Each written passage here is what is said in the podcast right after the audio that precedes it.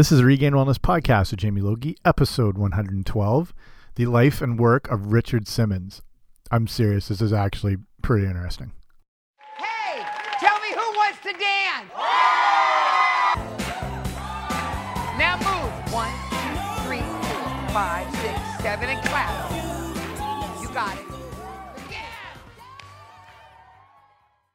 Hey guys, what's happening? Welcome back to the podcast. I'm Jamie Logie. I run regainwellness.com. Thank you for joining me here today. And if this seems like a weird topic on a health show, uh, stick with me because this is a pretty interesting, um, I guess, biography. And this, if you you're obviously listening to this podcast right now, which means you've probably listened to other podcasts, or if this is your very first one, welcome. Thanks for joining me and making this the first podcast experience of your life. But so if, you listen to any other podcasts or whatever, or you you I assume you listen on a phone through the podcast app on Apple, like an iPhone, or there's Stitcher Radio on Android, whatever, you can see the different podcast lists and categories and whatnot. And if you've paid attention to those, you've probably seen what is the basically been the number one podcast in the world right now, which is called Missing Richard Simmons. And I'd been obsessed with this thing, and the uh, the final episode actually just came out today as I'm recording this. And what is this Tuesday, March 21st? And this thing kind of caught a lot of people's attention because they everyone I assume you know who Richard Simmons is. If you don't, just YouTube the guy. And but if you grew up like me in the 80s or 90s, 80s and 90s through kind of that whole period, there's no way you probably didn't know him. He was such a massive celebrity and just like this living cartoon. And no, I don't think anyone was really aware how much influence this guy had on people and the health and fitness industry. I had no idea. Now that I've looked more into this, like this this podcast is extremely gripping because it, it tells his whole story of what he he brought to people and the industry and to just like kind of pop culture to individual people's lives and helping them and and saving their actual lives. And then the guy just disappears in around 2014 he's gone. Someone who's so um what's the word like empathetic and so i don't know needing of um not not publicity in a derogatory sense but just lived off people's like emotions and helping them and wanting to make them better. And then the guy just completely disappears. And that's the focus of the podcast missing richard simmons. And it, it's it's pretty um i don't know concerning and intriguing and just why this guy who was so involved in people's lives just kind of fell off the map and whatnot. So as as kind of you know you're watching the podcast or listening to the podcast and then learning a little more and looking back and like I said I had no idea how much influence and effect this guy created on people's lives and how he really sort of changed the um, attitudes towards health and fitness and weight loss and food. And honestly, I think he's had a bigger, now that I've learned all this, I think he's had a bigger influence on people's well-being and their their weight issues and their um, wellness and their health and I can't think of anyone else like bigger than you know anything that the biggest losers done or Jillian Michaels or Michelle Obama. I, I didn't realize how deep this goes with this guy. So I'm gonna in this show just talk a little more about that, um, his influence and in health and wellness, but then also which again you probably wouldn't expect how this all tie together. Um, lessons you can learn from his work and how devoted he was to people, and how you know him kind of falling out of the limelight and pulling himself away. Some lessons that actually you can apply to your life from that. Which yeah, bear with me. This won't be a super long one, but there's some interesting connections you can make with what's going on with him, and then how that actually might impact your whole life too. So let's get to this thing. Here we go. Hey, tell me who wants to dance? I want to dance, Richard. I want to dance. Okay, so the, here's the quick biography kind of background of where Richard Simmons came from and his whole journey. So Richard Simmons was born, actually, his name is Milton Teagle Simmons, and he was born in New Orleans, Louisiana, on July 12th, 1948. I'm just going to assume everyone listening knows exactly who I'm talking about. So um, we can kind of go into depth. Like I said, if you're not familiar, you're going to have to do a little more of your own research, but there's a lot of stuff out there on the guy. So um, he was the son of two show business parents, actually, which kind of explains a lot of his theatrics and whatnot. Um, so born in 1948 and raised in the French Quarter of New Orleans, and he was in part of that area, which was very um, performance based, and you know, picture kind of like a Cirque du Soleil environment and real, yeah, theatrics and performances and everything like that. Um, so that probably influenced and shaped a lot of his showmanship and everything. He had an older brother. Um, he was raised as a Methodist, and he would work in all these thrift stores when he was really young growing up that were um you know just like normal thrift stores but in the french quarter in new orleans everything was a little over the top. So he was actually a, it sounds weird but he was a master of ceremonies in these stores. So he was kind of like you know, like a ringmaster and just would entertain and um you know basically as everyone was coming in and out it just wasn't a drab store. Everything was yeah completely over the top. Um like he said his mother was uh was Russian Jewish combination, and she was one of those. Have you ever seen these before? Kind of like the vaudeville. They're called fan dancers. The women with those big like feather fan things, and they would just do a dance based around that. Um, he was when he grew up. He was went to a uh, Catholic high school, and as a kid, he was very um, not well. He was very unhealthy. He had really bad asthma, so that prevented him from being super active.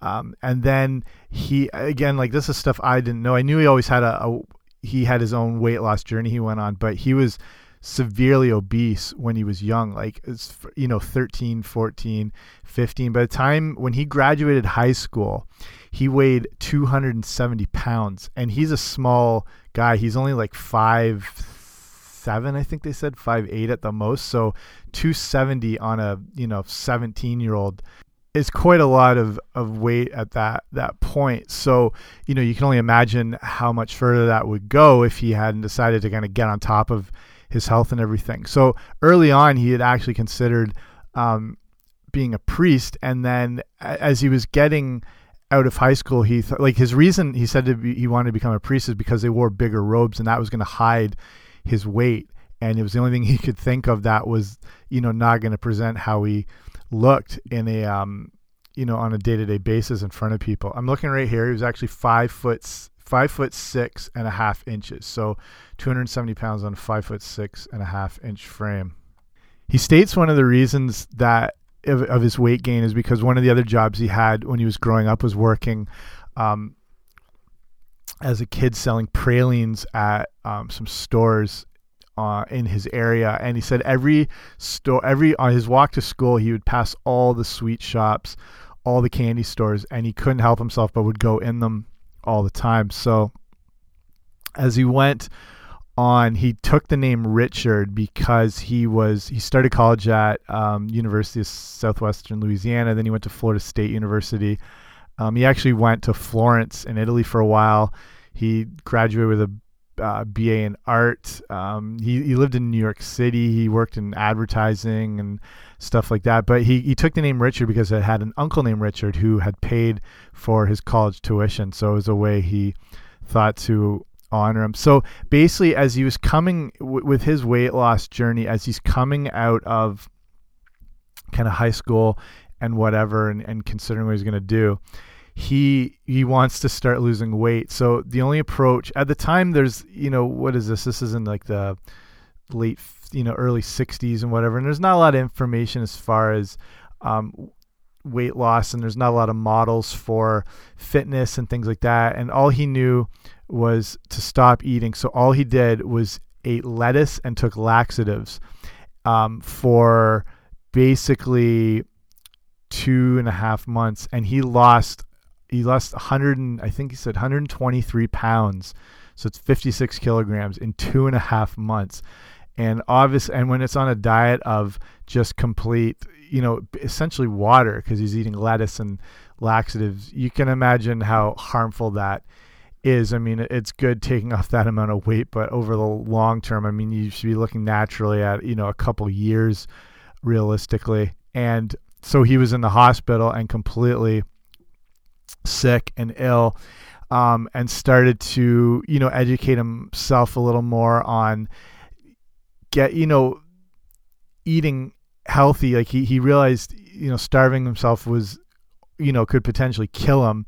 Still wanted to lose the weight um, and then you know devote himself more to healthy eating. So in um, in the early 70s, so he moves to LA.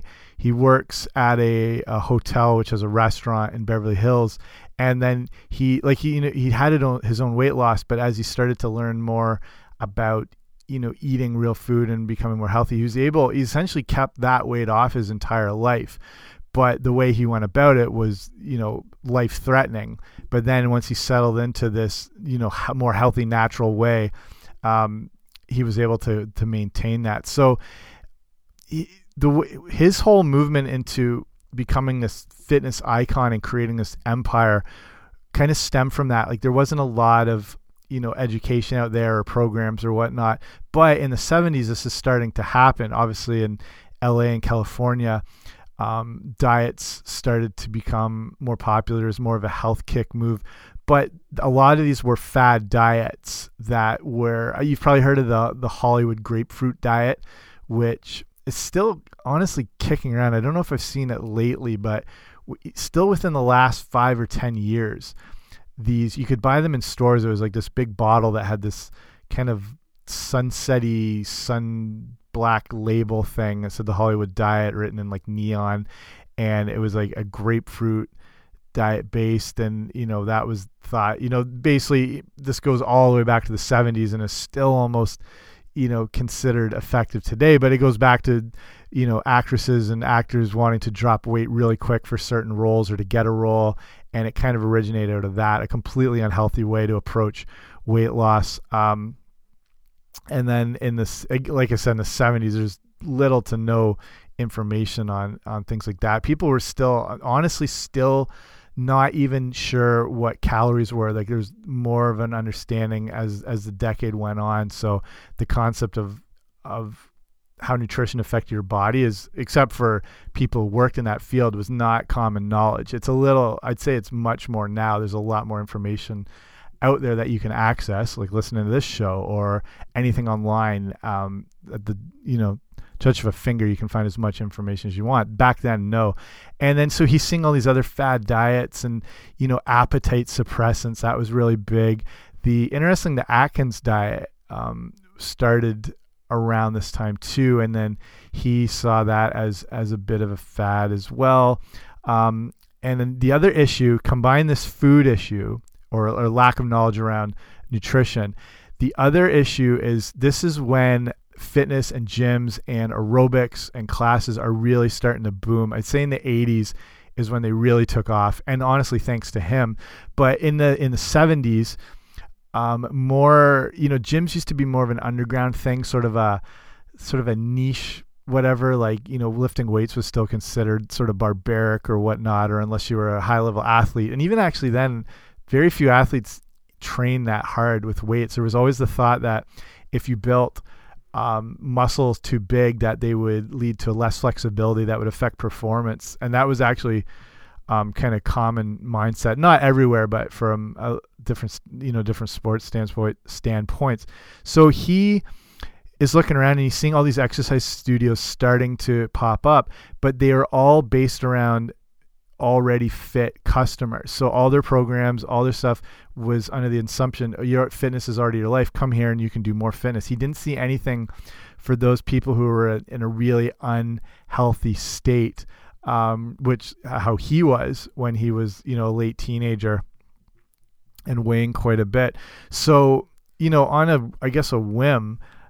I mean, opening a gym today is not really a gamble. You'll you'll you'll get members no matter what. Like I'm thinking just where I live in probably a not even a five mile radius. There are, I'm just thinking right now, one, two, five, six. There's seven gyms, I, like almost a stone's throw from my house. I don't live in the middle of this of a big city. I live more in the a little bit of the outer ends, and and these are normal big chain gyms, and that's not even including. There's some small personal training studios as well. That's just right in my little neighborhood. So um, it's not as big a gamble as it was back then. So he opens an exercise studio that was called the Anatomy Asylum, which is a kind of insane place. But his focus, and he's one of the first people to really do this, was was placed.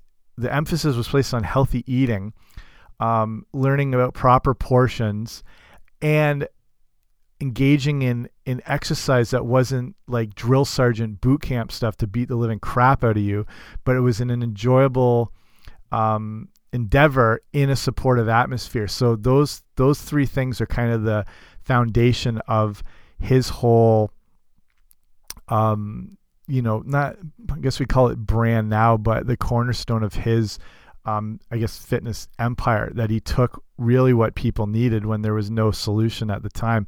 So when he opened uh, this place up called the Anatomy Asylum, it's eventually it gets his name name changed to Slimmons with an L. He also had a salad bar um, attached to it called Ruffage, R U F F. Another brilliant pun on you know the dietary fiber roughage. Um, he eventually moved away from that the that sort of restaurant aspect and was just focused primarily on the exercise. So it's now called Slimmons and he's you know starting to get momentum throughout Beverly Hills, and obviously there's a lot of rich and influential people there that kind of latch onto it, and that's probably the at the time that was probably the mecca of you know word of mouth and um, a sort of growth of a business and a brand. So the big thing though that was different that no one else had done before was like I said, uh, instructor instructors at the time. There was a lot of um, you know aerobics classes, and those were big. It was you know getting the air of leg warmers and spandex and that's I'm sure on its way back. But they it was you know just come in, boom, workout's gone. The difference with him is because he genuinely cared about people. His aerobics classes were completely motivational based, and like I said, they catered to people who'd never exercised before. Um, uh, you know, people with obesity problems, people with joint problems, elderly people, everyone. That was his focus was on the real people, not someone who looks like they're on the cover of like Muscle and Fitness or whatnot. So um, th this is kind of the cornerstone, like I said, of his own. Over this year, for 42 years now, I mean, he's almost 70. He kept off this 120 pounds the whole time, and you know, he's teaching other people the same things he'd been doing, which was a change because they weren't crazy fad extreme ideas they were simple it was about real food eating um, you know exercise that you liked and that you wanted to do and that actually made you feel good and being around other people that um, encouraged you and you know the leader of this whole um, gym and movement cares about them more than anybody. Um, yeah so here's some of the stats. Over the course of his whole fitness career he'd help people um, you know, hard to pinpoint this, but in the ballpark of around 12 million pounds lost through, you know, the people doing all his, his courses and, and the sweating to the oldies and, and all that sort of stuff. So, like I said, the reach the guys had has been in, incredible. Um, so what happens is, like I said, when you're based in Hollywood, and now it doesn't really matter where you are because um, people's influence can stretch everywhere because we're more connected now. But back then, if you think Hollywood and Beverly Hills, that's you know the epicenter of everything. And his influence grows more, and then he starts, you know, wanting to reach more people because only so many people can fit in this class. Um, that he was honestly still teaching up until his sort of disappearance from society in 2014. He was still teaching that class and getting paid $12 a class as rich as the guy was it was just it was part of his whole life. So but you know now he's got a good thing going and wanting to reach more people. And so that's when it got into the whole sweatin' to the oldies thing which i think most people are familiar with. Um, so now he was able and again this is like at a time where you had to order these things off TV. You couldn't order them on Amazon, and so the reach that they had at the time was was unbelievable. And as his video collection grew, he so he he put out I think it's 65 different um, workout, primarily VHS tapes. If you're under 25, you have no idea what the hell I'm talking about. But that's how we used to watch movies and whatnot was on video cassette tapes and that was primarily and and honestly most of all the video all, all, his material he's put out was on VHS tapes. He has some DVDs and a lot of things have been transferred, but like the core of all his stuff was all VHS based. So you had to order these things off. There's no website. You have to order them off TV, the whole deal. But as it's coming into the 80s and 90s, his videos were the most sold um, movies and um, basically tapes ever I don't know if you just heard that, but Siri heard me say something and she tried to chime in, but I'll turn her off. So of any of any movie that was ever out or TV series or whatnot, his videos were the most selling of all time, and he was making, I think they were generating at the time around uh, 200 million over the course of those few years and he was taking a huge percentage of that. But a lot of the money he made he would put back into all these programs um, and it wasn't like he stockpiled it. He kept a certain amount for himself and used a lot to help other people. So now everyone's got these tapes and everyone's starting to learn about this crazy guy with the super short shorts and the spangly kind of uh, flag tank top you'd wear and the weird afro hair. And now everyone's more familiar with him and they start getting him onto talk shows. And he actually had his own um, TV show. It's actually kind of like a talk show thing of his own, which is actually an Emmy Award winning show, which I'd never heard of before. Um, it's called The Richard Simmons Show, and that was his focus on health, fitness, exercise, healthy cooking.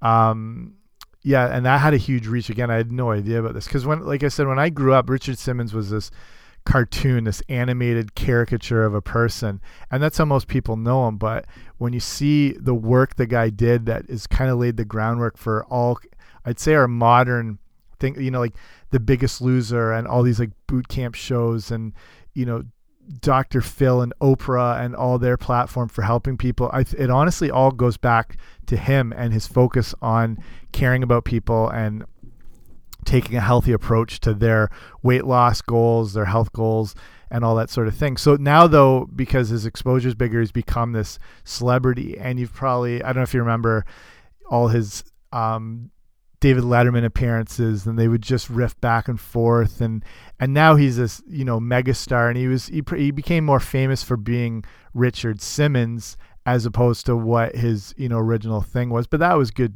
too because um, then he's able to reach more and more people. So the amazing part of all this, from you know learning and listening back, was how invested he was in people's success. Like it's you know you see a lot of I don't want to talk crap about I don't know, you know, any celebrity trainer or people you see on TV shows or whatnot.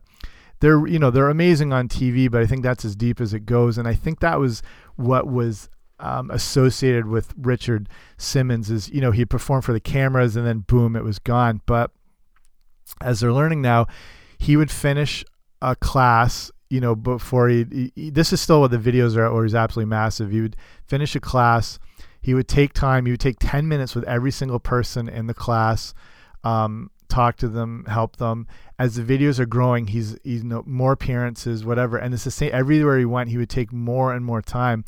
And through his connections of his actually in person teaching, or he would run these cruise ship weeks where um, people could come for like these weight loss weeks or you know meet and greets or whatever he would make all these connections and no one knew this, but he would spend every day, he would call around 50 to 100 people a day who were on this, you know, weight loss journey to see how they were going, see how they could, how he could help, mostly eh, just as much for encouragement and to be, you know, an ear to listen to. And that's the stuff, you know, no one really knew about. And this is, you know, when these videos are making and all his empires making $200 million a year, he is, you know, he he can do whatever he wants with his time. His time is still completely devoted to these people. So this massive celebrity who's extremely wealthy is take you know I, I I doubt Oprah, as influential as she is, is calling 50 to 100 people a day to check in to see how they're, you know, the state of their health or their mental health or what they need. And I, I don't talk to 50 people in a year, let alone in a day. You know, like calling people on the phone. Not that anyone even calls on a phone. I don't. I don't even text 50 people in probably, you know, two months. And this guy's on the phone every day. How much time would that take? you know, even if it's 100 people through the day to check in, it's not you can just say, hey, how's it going? Bye. If someone's opening up to you, that's a long conversation. You know, you're looking at 20, 30 minutes, even 10 minutes times 50 people a day. So the amount of attention he would give everyone was absolutely incredible, which is what's so weird about this whole thing now with this whole missing Richard Simmons um, thing that a guy who was so invested in people just completely dropped off the face of the earth around 2014. And then, you know, listen to the show. It's called Missing Richard Simmons. And they they found out, you know, apparently there was different ideas that he was, you know, kidnapped by his housekeeper or he had gained a huge amount of weight and he was um, suffering, you know, huge depression and whatnot, which is, you know, if you think of the effort and energy it probably took to be him, to help all these people. Like I said, look at 12 million pounds from all these people over the world and, and everyone who felt like they knew him because he'd spend that much time and engage with them. Um, how draining that would be on a person and how burnt out you must be. But what's weird is, you know, for the type of um, human being he was, to be that involved and then to completely just cut it off um, three years ago. That that's what the whole basis of the show is, and that's why you know people were worried. Someone who was so invested and so you know dependent.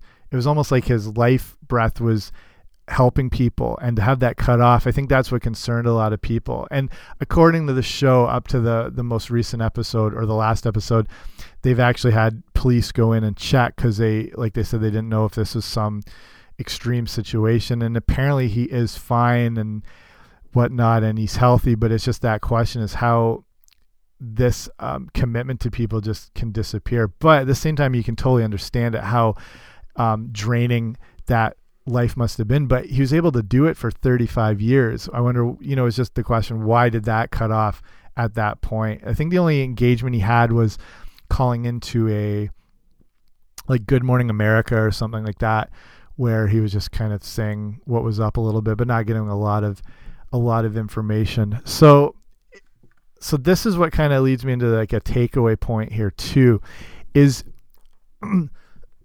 sorry coughing to death here i could edit that out but i'll keep it as natural as possible so i'm sure you're pretty busy you know i'm i think i'm kind of busy at times but it's probably nothing compared to possibly what you're doing um, and people have a lot going on and you might have a lot of people depending on you at times. So I think the lesson here is to give yourself time to sort of step away. If if you have a lot of responsibilities and people um, who depend on you, and that's awesome, and that's you know a a good I'd say like you know it's a huge honor to be able to constantly help people, but it can drag you down because it can be so emotionally exhausting.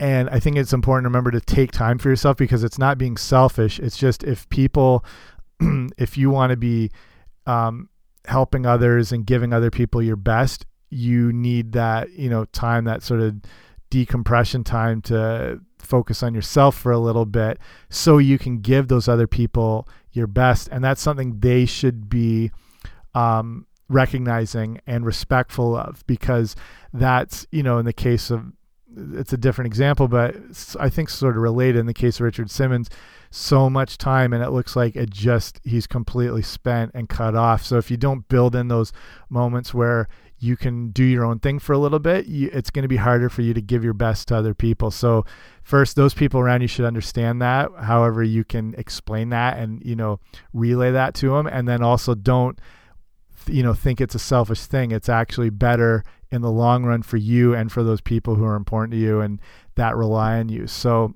whether that's you know, I'd say one of the best things there is exercise itself, not only for how good it's going to make you feel, but it's kind of that time away, you know, on your own, whether it's even just a half hour, 45 minutes, an hour, or whatnot. It's that, you know, for me, it's kind of my own, um, as tough as my workouts are and they're, I like to beat the crap out of myself. It's still relaxing in a weird way, if that makes sense. If you probably understand if you're kind of in the same boat, but it, it's, it's like, I don't see it's you know kind of like a combination of meditation and relaxation as tough and engaging as it is but it's it's like a hobby. It's it's almost like golf in a good way. It's so it's a way for you to unwind. Again that's probably a weird way to say it um, but that's why exercise is a good outlet. So in you know in your case you know make time for that or whether it's you know just going for walks or hikes or time alone like i said